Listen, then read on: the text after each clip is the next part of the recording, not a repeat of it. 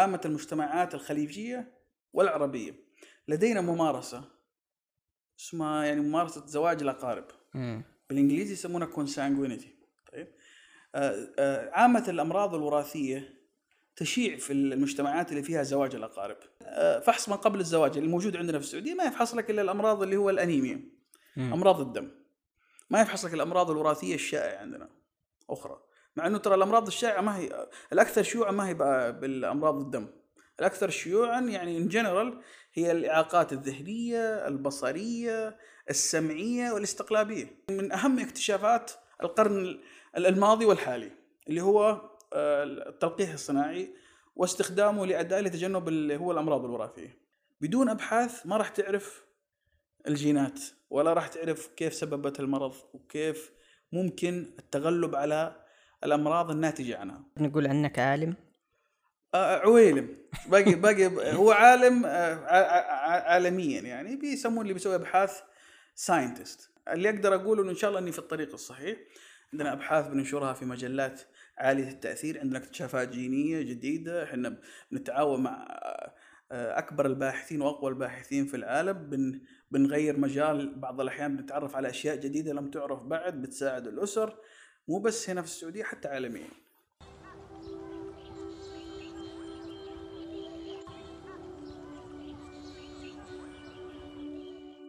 في رحلة الأيام تفاصيل بداخل كل إنسان. هي قصص لم تروى بعد. وهنا مدينة مخضرة تنبض بالحياة. هنا تلتقي القصة بالقصة. بعيدا عن الألقاب أقرب من الدوافع والأسباب. هنا القصة لأول مرة وهنا فقط من إنسان إلى إنسان. هنا مخضرة من المدينة المخضرة إلى كل العالم.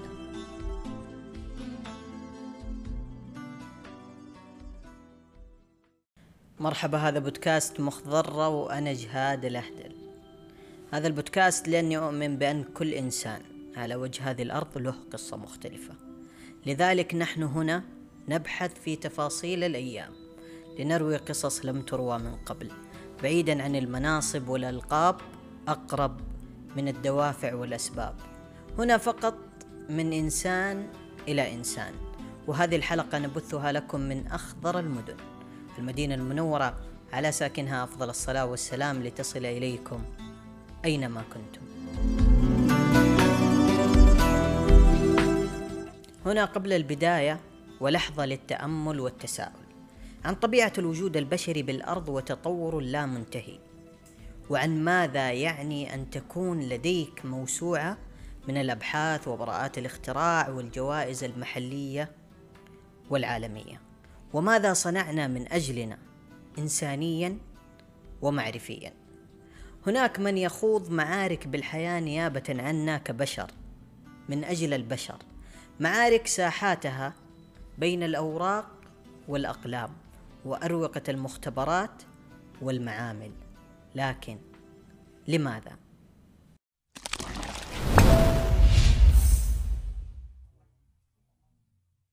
ضيفي في هذه الحلقة الدكتور نايف المنتشري الباحث في علوم الوراثيات ومدير مركز الجينات بجامعة طيبة أرحب فيك نايف وأستأذنك نكون أقرب إلى إنسانك بعيدا عن المنصب واللقب. بكل سرور نكون معكم في هذه الحلقة وإن شاء الله بإذن الله نقدم بودكاست مفيد للجميع. آه، وشكرا لكم على الاستضافة. نايف كل إنسان له قصة بدأ سطرها الأول من لحظة ولادته. وحتى اليوم وهو سطر ورا سطر. اليوم نايف إيش قصتك؟ آه والله أنا فعلا ب- بدأت آه، حياتي بقصة. أنا ولدت بتشوه خلقي في القلب. إلى الآن لا أعلم إذا كان وراثي ولا لا. ولكن من الناس اللي بدأت حياتي ب... وأنا طفل ب... بمعاناة في ومرض وراثي. مو مرض وراثي هو إلى الآن ما عارفين ولكنه أعتقد أنه مثل هذه الأمراض لها مسببات وراثية لأنها مس- مسؤولة عن تطور عضلة آه، القلب. آه، بديت يعني آه، في في قرية صغيرة في منطقة الأرضية الشمالية التابعة أو محافظة الأرضية الشمالية التابعة لمكة المكرمة. بديت حياتي في ك يعني طفل صغير في في هذه المدرسة مدرسة الحياة. آه، يعني تعلمت آه، في أفضل المدارس. آه، يعني ودرست ال- ال- الجامعة في أفضل الجامعات. مم. اعتبرها جامعتي جامعة أم القرى. تخرجت منها. وبعد كذا تم ابتعاثي لأفضل الجامعات. وتم تدريبي في أفضل الجامعات والمراكز في العالم. وأنا الآن أعتقد أني آه، أعمل في أفضل الجامعات في آه، المملكة العربية السعودية آه،. فهذا لا يدع لي إلا أني أشكر آه، هذه الدولة وهذه المملكة اللي تستثمر في أبنائها من أجل معرفة واقتصاد معرفي إن شاء الله فترة الجامعة كيف كانت المرحلة الجامعية بالنسبة لك؟ والله المرحلة الجامعية هي مرحلة حقيقة لا تنسى من الحياة بل هي يعني من أفضل المراحل وأكثرها متعة يعني. يعني حقيقة أول مرحلة ك- ابت- اعتبرت لي كأنها ابتعاث داخلي هذيك أول مرة أخرج من إطار القرية ومن إطار الزملاء اللي في القرية وأهل القرية إلى مرحلة إلى مدينة أكبر وهي مكة المكرمة وإلى الجامعة مم. وهي أكبر من من المدرسة صحيح ولا لا؟ فكانت مرحلة بالنسبة لي آه، آه، ما هي بس تعليمية مرحلة حياة كبيرة تعلمت منها الكثير آه، آه، حقيقة استمتعت فيها آه، تعلمت علوم كثيرة الحمد لله انتهت بتخرجي تخرجت يمكن تخرجت بامتياز مع مرتبة الشرف الأولى إيش كان التخصص؟ كان تخصص اللي هو علوم طبية تطبيقية طيب اختيارك لهذا التخصص كان مصادفة ولا كان عن رغبة؟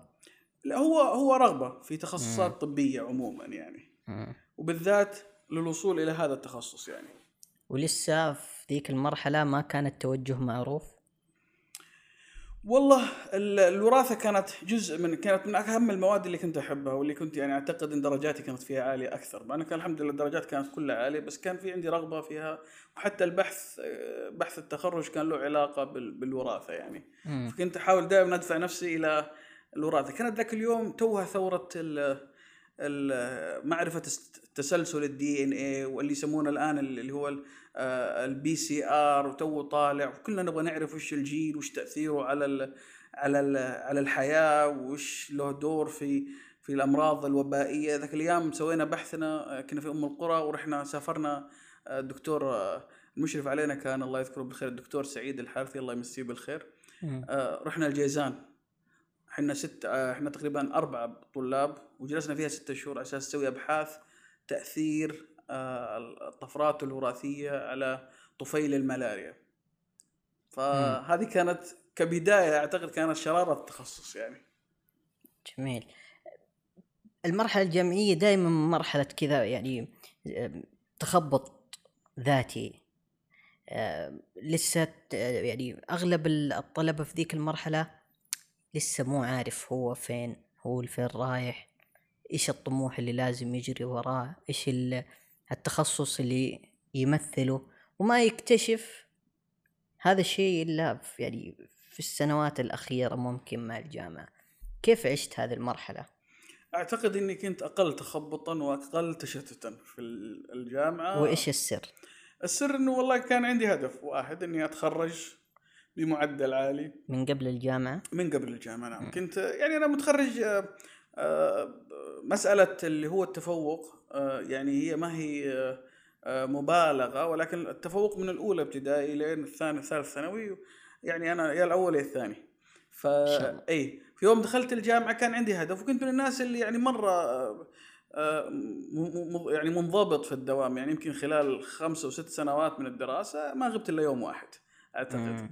فما يعني كنت أول الناس تحضر كنت أول الناس أكثر الناس تسجل ملاحظات مقارنة آه، يعني ببعض الزملاء وبعضها وكن يعني كان في عندنا كان كان كان جوها كويس. ال- ال- ال- الجامعة كنا بنجتمع وبنذاكر سوا ولكني كنت حريص إني دائما منضبط في الدوام منضبط في الحضور. الحضور فرق بين الحضور على الطاو على على, على كرسي الدراسة وبين الحضور بانتباه.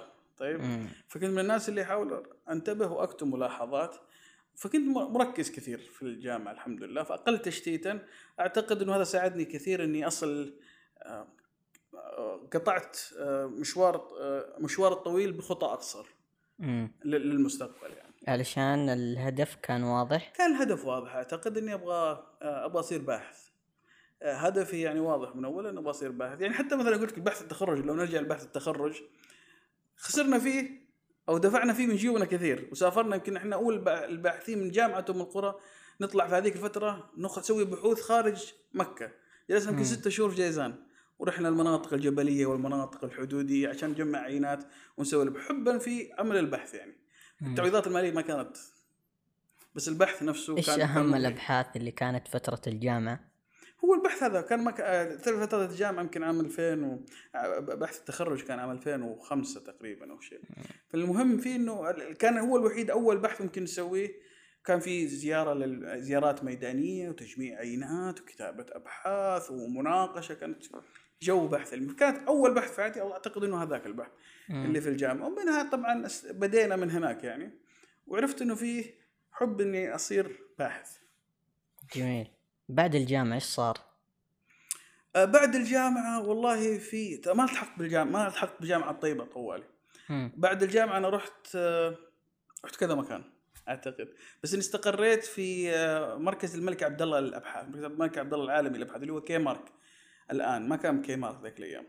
كنت تقريبا أول واحد أول موظف في المركز أعتقد من الباحثين الجدد وتوظفت في مركز الخلايا الجذعية. هناك فجلست جميل. فيه سنة وبعد سنة كنت مقدم على معيدية في جامعة طيبة مم. ذيك الأيام كانت آه، 2006 الف- 2000 2000 نهاية 2006 بداية 2007 فقالوا لي قبلناك كمعيد فتركت الكي مارك وجيت على جامعة طيبة مع إنه ماديا ماديا آه، فرق كبير إنك تروح ليش؟ من الحرس الوطني آه، مركز أبحاث و إلى أنك تروح معيد هذاك الأيام رواتب المعيدين ما هي زي الآن. عارف كانت اظنها 5000 أو 6000 يعني.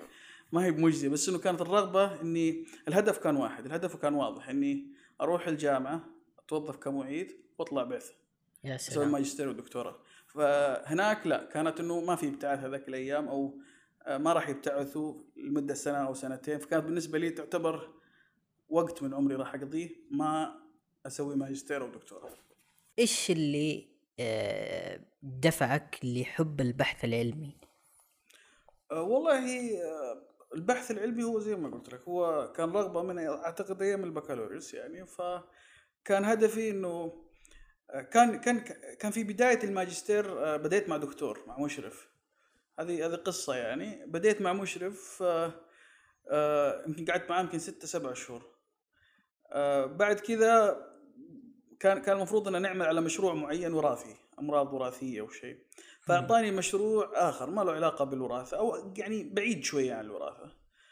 فما اتفقنا أنا وياه مع إنه خسرني تقريبا سبعة أو ثمانية شهور فاضطريت اضطريت إني أغير المشرف يعني طلبت من مدير البرنامج إني أغير المشرف وإنه هذا ليس التخصص اللي ابتعثت عليه ولا ارغب في العمل فيه. بعدين ضميت إلى مركز القلب. آه، وقابلت الدكتور ذا فقال لي لا إحنا شغلنا كله أبحاث وأبحاث أمراض قلب ووراثة راح تنبسط. اللي بيشتغل عندي كثير بياخذ كثير. معنى ياخذ كثير إنه بينتج أبحاث. آه فكنت والله يعني تقريبا أشتغل سبع أيام في الأسبوع. يعني بعض الأحيان بنسوي تجارب يمكن الساعة 2 في الليل. آه بعض الأحيان تعتمد التجربة انك لازم تجي تسويها الساعة 2 في الليل. بعض الأحيان يعني حتى في الماجستير الناس بتسوي مشروع أنا كنت منخرط في أكثر مشروع أربع خمسة مشاريع لذلك الأبحاث كانت كثيرة. كل مشروع عليه بيبر عليه بحث أو بحثين منشورة. آه بس إنه كان كان التوجه واضح كان إنه حتى المشرفين هناك كان يقول لك والله قد ما تشتغل قد ما تأخذ. فكنت يعني مركز جدا على مسألة إنه أنشر الأبحاث وأنشر أبحاث ذات تخصص في, التخصص نفسه. آه، بحيث إني ما أبتعد لأن كان عندي هدف ثاني آخر. ما. بعد الدكتوراه شو أسوي؟ كان أبغى أسوي زمالة في أمريكا وبورد. فأعرف إنه إذا ما سويت كويس أو ما نشرت أبحاث كثيرة وذات جودة ما راح أقدر أحصل على قبول في جامعات عريقة في أمريكا.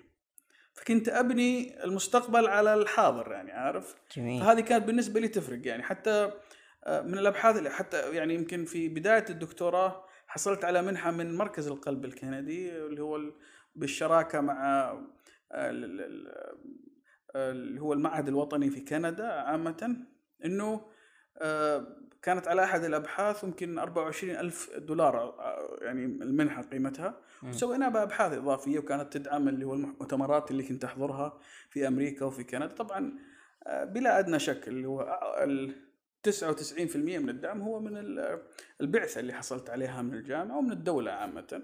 بس كانت هذه محفزات إنك تحصل على منح خارجية. معناتها إنك أنت جالس تنافس الطلاب العالميين معناتها إن في جودة. يعني الكنديين ما بيعطونك آه، منحة ولا بيعطونك جائزة إلا إذا كنت على المستوى اللي هو مستوى طلابهم. فهذه كانت يعني من أسباب فكل الأسباب. بحث كان يضيف لك من جانب آخر. طبعا. يعني الأبحاث أنت آه، قد ما تنشر آه، راح تقنع الناس هناك إنك والله تقدر تكمل الدكتوراه. لأن الدكتوراه قبل ما تخشها لازم تخش مناقشة معينة تسميه comprehensive exam في كندا. مم. وتساعدك في المناقشة إن يكون عندك عدد كبير من الأبحاث. طيب؟ فالأبحاث هذه وجودتها تساعدك في المناقشة وتساعدك ما بعد الدكتوراه. إذا تبغى تسوي زمالة أو أو تخصصات دقيقة. اليوم نقدر نقول عنك عالم؟ عويلم. باقي باقي هو عالم آه، عالميا يعني بيسمون اللي بيسوي أبحاث ساينتست طيب بس العالم بال بال بال باللغة العربية عامة هم يقصدوا بالشخص اللي هو آه، يعني وصل إلى درجات عالية من العلم. لعلنا إن شاء الله نكون في بداية العلم لكن في الطريق الصحيح. اللي أقدر أقوله إنه إن شاء الله إني في الطريق الصحيح عندنا أبحاث بننشرها في مجلات عالية التأثير عندنا اكتشافات جينية جديدة. إحنا بنتعاون مع آه، أكبر الباحثين وأقوى الباحثين في العالم. بن بنغير مجال بعض الأحيان بنتعرف على أشياء جديدة لم تعرف بعد بتساعد الأسر. مو بس هنا في السعودية حتى عالميا. انتهت مرحلة الابتعاث. ب... وكانت رحلة جميلة أكيد لنايف. آه، رجعت السعودية ورجعت لجامعتك جامعة طيبة وصرت مدير مركز الجينات وعميد للبحث العلمي في نفس الوقت بس بنتكلم عن مركز الجينات الآن التابع لجامعة طيبة وعلاقته بمشروع الجينيوم السعودي إيش العلاقة؟ خليني خليني أبدأ لك من مسألة ما بعد الدكتوراه، أنا بعد الدكتوراه ترى ما رجعت الجامعة طوالي. رحت سويت زمالة مم. زمالتين وسويت بوردين في جامعة هارفرد. في جميل. الأمراض الوراثية والأمراض الاستقلابية، يعني تخصص مرة نادر من أفضل جامعة تقريبا. كنت محظوظ آه تم التوفيق وهذا دعم بعد الله من ال... من القيادة ومن الجامعة بلا أدنى شك. بعدين رجعت للجامعة. آه حقيقة ال... آه دائما آه، السبب إني ذكرت لك الشيء ذا يعني عندي سبب. أنت دائما يوم تقارن نفسك مثلا آه، بجامعة زي جامعة هارفرد تقول أنا والله برجع للسعودية وجامعاتنا عموما الجامعات السعودية ما هي بقدر جامعة هارفرد اللي تعتبر الأولى في العالم. ولكن لازم أنت إذا رجعت تتعامل مع المعطيات الموجودة. آه، تستفيد منها وتسخرها آه، وتستفيد منها فيما يخدم مشروع معين مثلا مشروع بحثي معين أو شيء. لا تتوقف على يعني شح المعطيات. يعني مثلا في هارفرد استخدم اللي عندك بإمكانك في هارفرد مثلا تسوي كل البحث ويؤمن لك المشرف وأمورك طيبة. هنا لا بإمكانك مثلا في السعودية عامة. الآن لا زلنا يعني- يعني في في دعم ولكن تحتاج مثلا إنه في بعض الأشياء ما تتسوى في نفس المكان. فهنا هنا أفضل وسيلة التعاون بين الباحثين السعوديين. لازم نتعاون. فأنا جيت هنا فهذا اللي راح يدخلنا جلست فترة وأصبحت مدير المركز بعد آه، إدارات سابقة بدأها الدكتور خالد الحربي مدير المركز وبعد الدكتور محمد سمان بعد الدكتور عبد الرحيم الشريف لمركز الجينات. أنا كنت من المؤسسين سابقا لكن كنت مبتعث. فما قصروا يعني سووا شغل جب جم يعني جبار وجميل. فجينا للمركز فحاولنا نستفيد من المعطيات الموجودة وحاولنا نمد ايدينا للناس خارج جامعة طيبة يعني تعاوننا مع الناس في الرياض في جدة في الدمام في مكة في كل الأماكن. وبدينا آه، نسوي يسمونها تحالفات بحثية. آه، بالنسبة للمركز برضو بدينا نحاول نقول ليش ما نستفيد من المعطيات اللي عندنا في المركز الحالية؟ وهو بصراحة في دعم لا محدود وجبار من الجامعة للنهوض بالمركز حقيقة. وفي أجهزة يعني بعض الأحيان ما وجدتها في بعض المراكز العالمية حقيقة. مم. بس كان في أهمية اللي هو ال- الاستفادة من المعطيات الموجودة وتسخيرها لخدمة المجتمع والاقتصاد معرفي فلو قلنا خدمة المجتمع هي أبحاث. جد- بدينا نسوي أبحاث على مجتمع المدينة وعلى السعودية عموما. يعني سوينا دراسات أكبر دراسة في العالم من من جامعة من هنا من جامعة الطيبة كانت عن عوز مرض عن عوز الأسبرجين. هي ماده حمض أميني. كانت أكبر دراسة على مستوى العالم من عندنا هنا. ونشرناها في مجلة الجمعية ال- ال- ال- الكلية الأمريكية للأمراض الوراثية. وكانت أكبر دراسة على مجموعة مرضى سعوديين بعدين الحين بدينا في دراسات كثيرة. مثلا زي الدراسة اللي ذكرتها لكم اللي هي عن أمراض القلب الوراثية. آه، في دراسات عن جالسين نسويها الآن في المدينة برضو. عن آه، ال ال ال آه، الاخصاب عند الرجال المشاكل اللي هو العقم عند الرجال. عندنا برضو أبحاث على مستوى المملكة اللي هي الإجهاض المتكرر لدى النساء. طيب هذه كلها نقودها إحنا في في المركز وبالتعاون مع باحثين من جميع تقريبا مراكز الوراثة في ال- في المملكة العربية السعودية مع باحثين آخرين. بس القيادة هنا في في في, في المدينة. في مركز الجينات إيه. جميل. فهذه أبحاث كثيرة ونشرنا أبحاث كثيرة واعترفنا على يعني تعرفنا على جينات. أنا والله ما اذكر كم عددها حقيقة لكن في جينات كثيرة يعني وفي جينات قادمة يمكن 30 40 جين جديدة. آه هذا فيما يخص بخدمة المجتمع كيف ممكن المجتمع يستفيد؟ لأنه هذه بعض المرضى عندنا كانوا يعني ذهبوا إلى مستشفيات أخرى. داخل المملكة وخارجها وتم فحصهم في مراكز مثلا في ألمانيا وفي ذا. ما عرفوا السبب الجيني. إحنا طلعنا الجين ونشرناه. عرفنا الأسباب الجينية. مو بس نشر الأسرة هذه عرفت السبب الجيني. فالآن صار لديها القدرة إنها تتجنب إنجاب أطفال مصابين في المستقبل بحيث إنهم يعملون اللي هو التلقيح الصناعي فما عاد يجيهم أطفال مصابين بإذن الله. فهذه خدمة طيب للمجتمع. غير إنها بالإضافة إن شاء الله نعمل الحين حاليا على أكبر دراسات معينة كذا جالسين نعمل على دراسات بحيث إن نجمع المورثات أو الأسباب الطفرات الوراثية. ونبغى نصل إلى فحص شامل ما قبل الزواج بحيث إنه يكون مو- موجه للمجتمع السعودي. ما في الآن الدراسات كله الآن الفحوصات هذه تب- تبنى على دراسات. لازم يكون عندك دراسة بحثية على أساس تسوي فحص شامل. فهذا دورنا إحنا كباحثين. جميل. اللي هو تحسين الصحة العامة. نرجع إلى مسألة اللي هو الاقتصاد المعرفي. بإمكاننا نستفيد من المركز ومن أو مراكز البحثية ومراكز التميز. طبعا مركز التميز هذا مركز الجينات هو مركز تميز. تم يعني آه، الموافقة على انشاءه في عهد آه، الملك عبد الله الله يرحمه بقرار مجلس الوزراء. فهو من من من مراكز تميزه في المملكة. طيب؟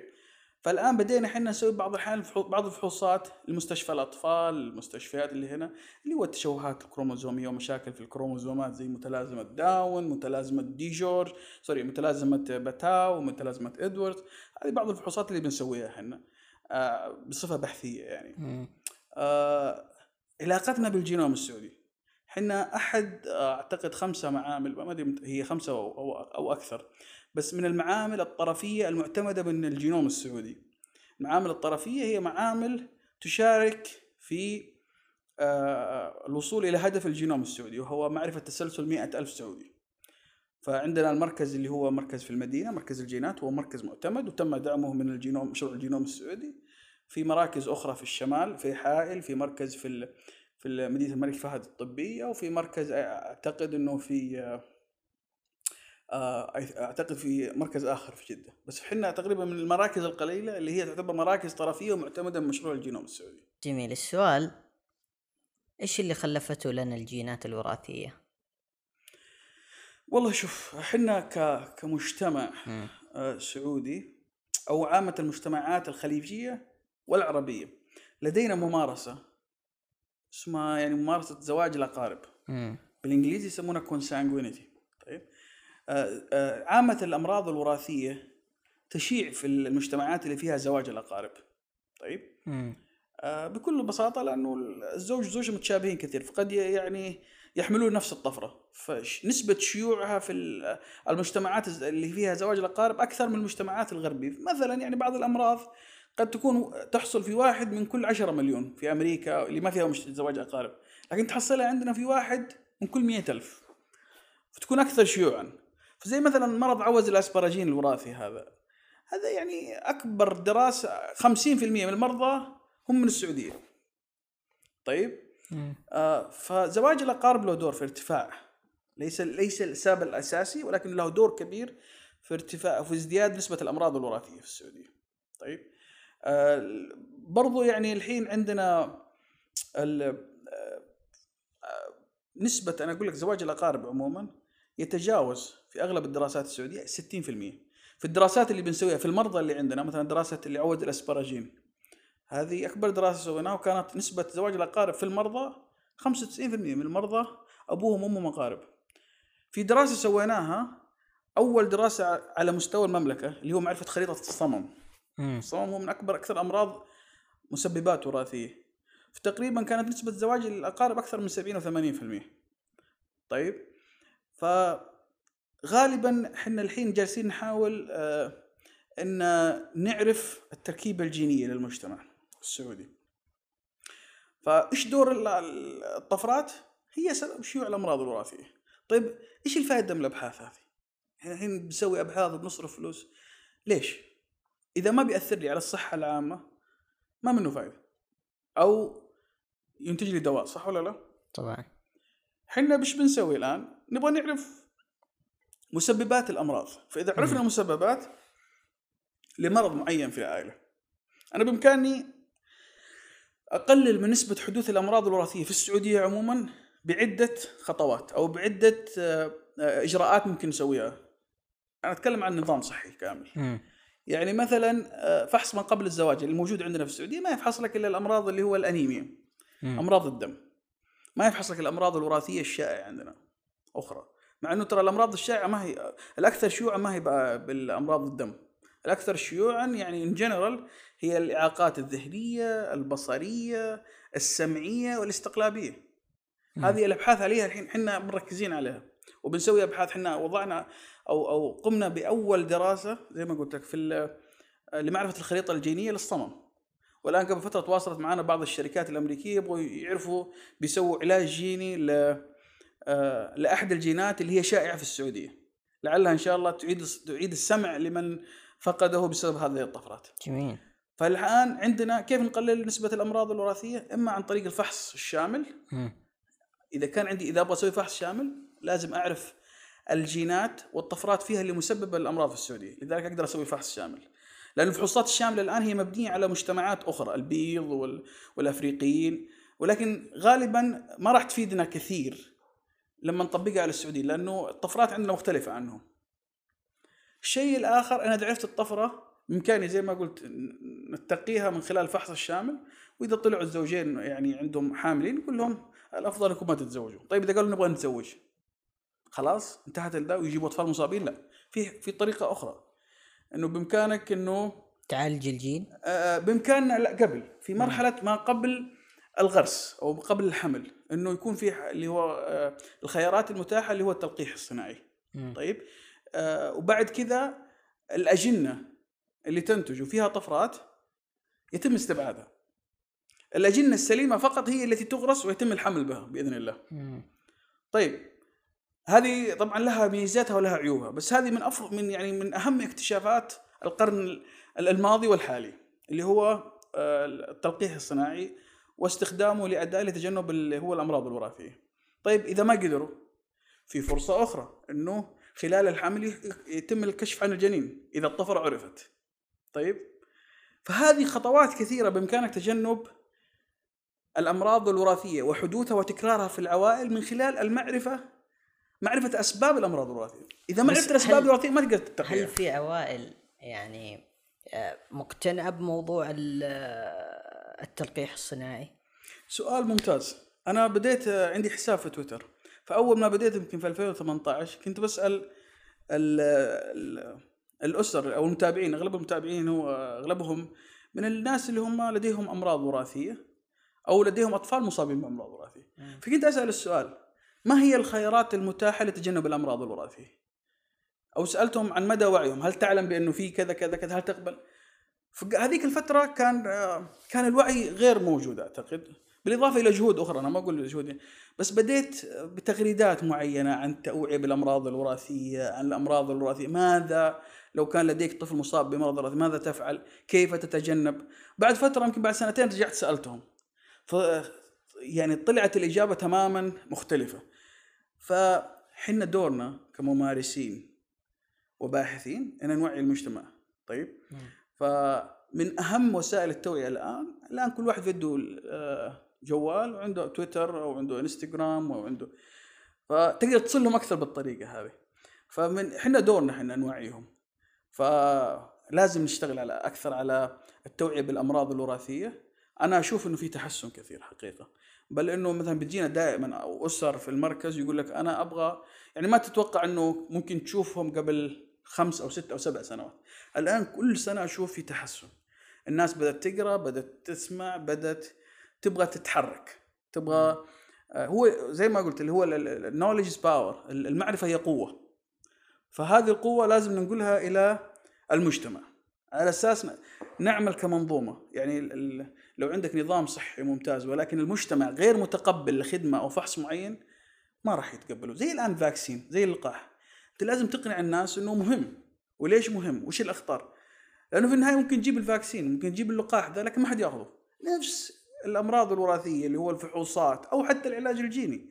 قد يكون في علاج جيني ولكن يقول لك الناس لا أنا ما أخذه لأنه خطير. ما يدروا إنه الضرر أقل بكثير أو النفع أعلى من الضرر.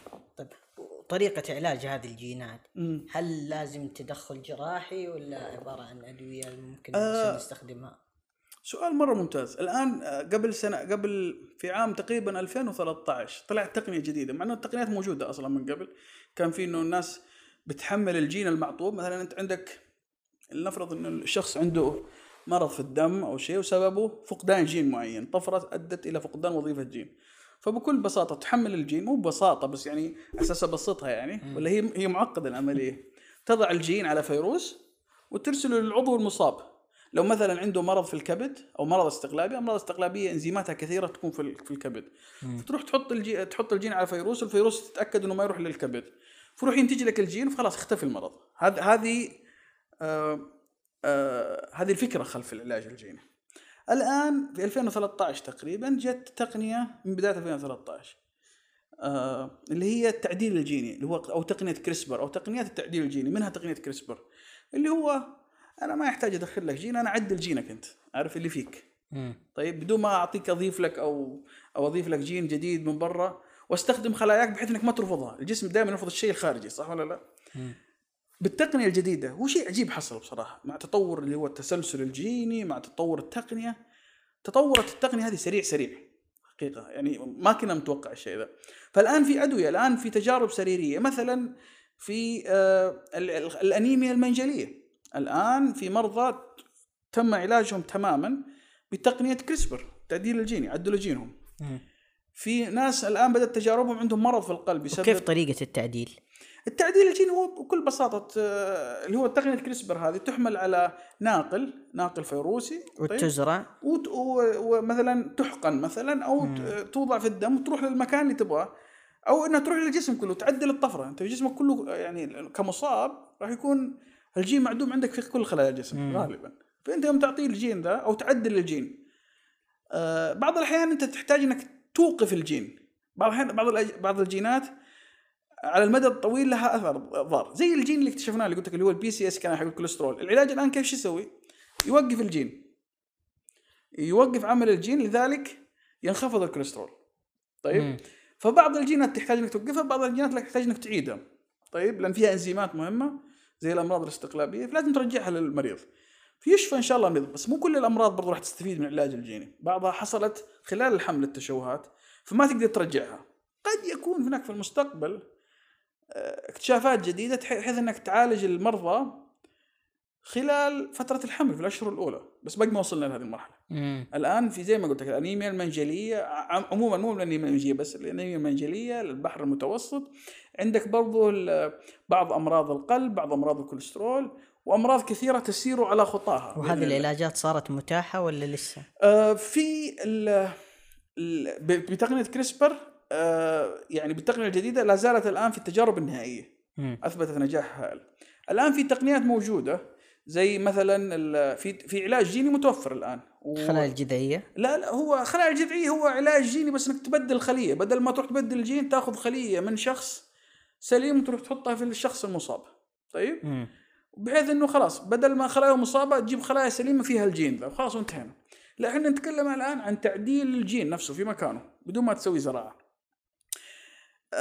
في علاج الآن موجود اللي هو بسبب آه، اللي الجين يسبب الطفرات فيه تسبب اللي هو العمى. طيب؟ فالآن في علاج جيني هو في مستشفى في مستشفيات المملكة منها مستشفى الملك آه، خالد التخصص العيون بيسوي زراعة. وعندي بعض المرضى اللي هم الناس اللي هم مصابين بنفس ذا آه، شخصناهم جينيا. عندي في مركز الجينات وحولناهم على ال- آه، على مركز مستشفى الملك فيصل التخصصي على أساس يأخذوا العلاج الجيني. فيعني تخيل انت ربطت التشخيص بالعلاج مباشرة. هذه ما كانت معقولة. قبل عشر سنوات قبل قبل خمس سنوات من الآن. مم. طيب. في مرض الدوشين مرض اللي هو العضلات. طيب. آه، مرض خطير مميت يعني. فالآن في علاج له في السوق موجود. بس مو ب CRISPR هذا برضو بالنقل الجين بتعديل الجين. طيب.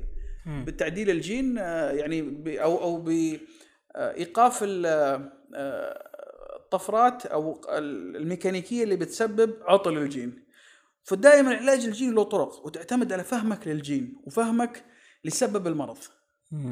فهذا علم لكن نرجع مرة ثانية إلى فكرة الأبحاث بدون أبحاث ما راح تعرف الجينات ولا راح تعرف كيف سببت المرض وكيف ممكن التغلب على الأمراض الناتجة عنها إيش القضية الإنسانية اللي تحملها معك؟ صح. تحسين تحسين الصحة العامة وتحسين ال ال أو التقليل من نسبة الأمراض الوراثية بالطرق اللي ذكرناها. أبغى أبغى أسوي أو أسوي أبحاث علمية لها تأثير بحيث إني أقدر يا اني أمنع المرض الوراثي من البداية أو إني أساهم في تشخيص مرض وراثي لم يشخص سابقا أو إني أعالج المرض باكتشاف جين وباكتشاف دواء جديد. جميل. إيش خلاصة التجربة العلمية والحياتية لنايف؟ والله الخلاصة آه، شو أقول لك؟ ال- العمل المستدام مع الصبر مع الأمانة العلمية راح تجعل منك شخص مميز في الحياة إن شاء الله بإذن الله. القصة مستمرة؟ القصة مستمرة؟ نعم. لن تنقطع إن شاء الله إلا بانقطاع النسم يعني. شكرا لك نايف. آه كنت سعيد بهذه الرحلة معك أمتعتنا وإن شاء الله نكون يعني آه قدرنا نطلع آه شيء آه منك في داخلك الكثير. لكن وقتنا كان محدود والقصة مستمرة بإذن الله. هنا نهاية رحلة لتبدأ رحلة أخرى قريبا من المدينة المخضرة إلى كل العالم.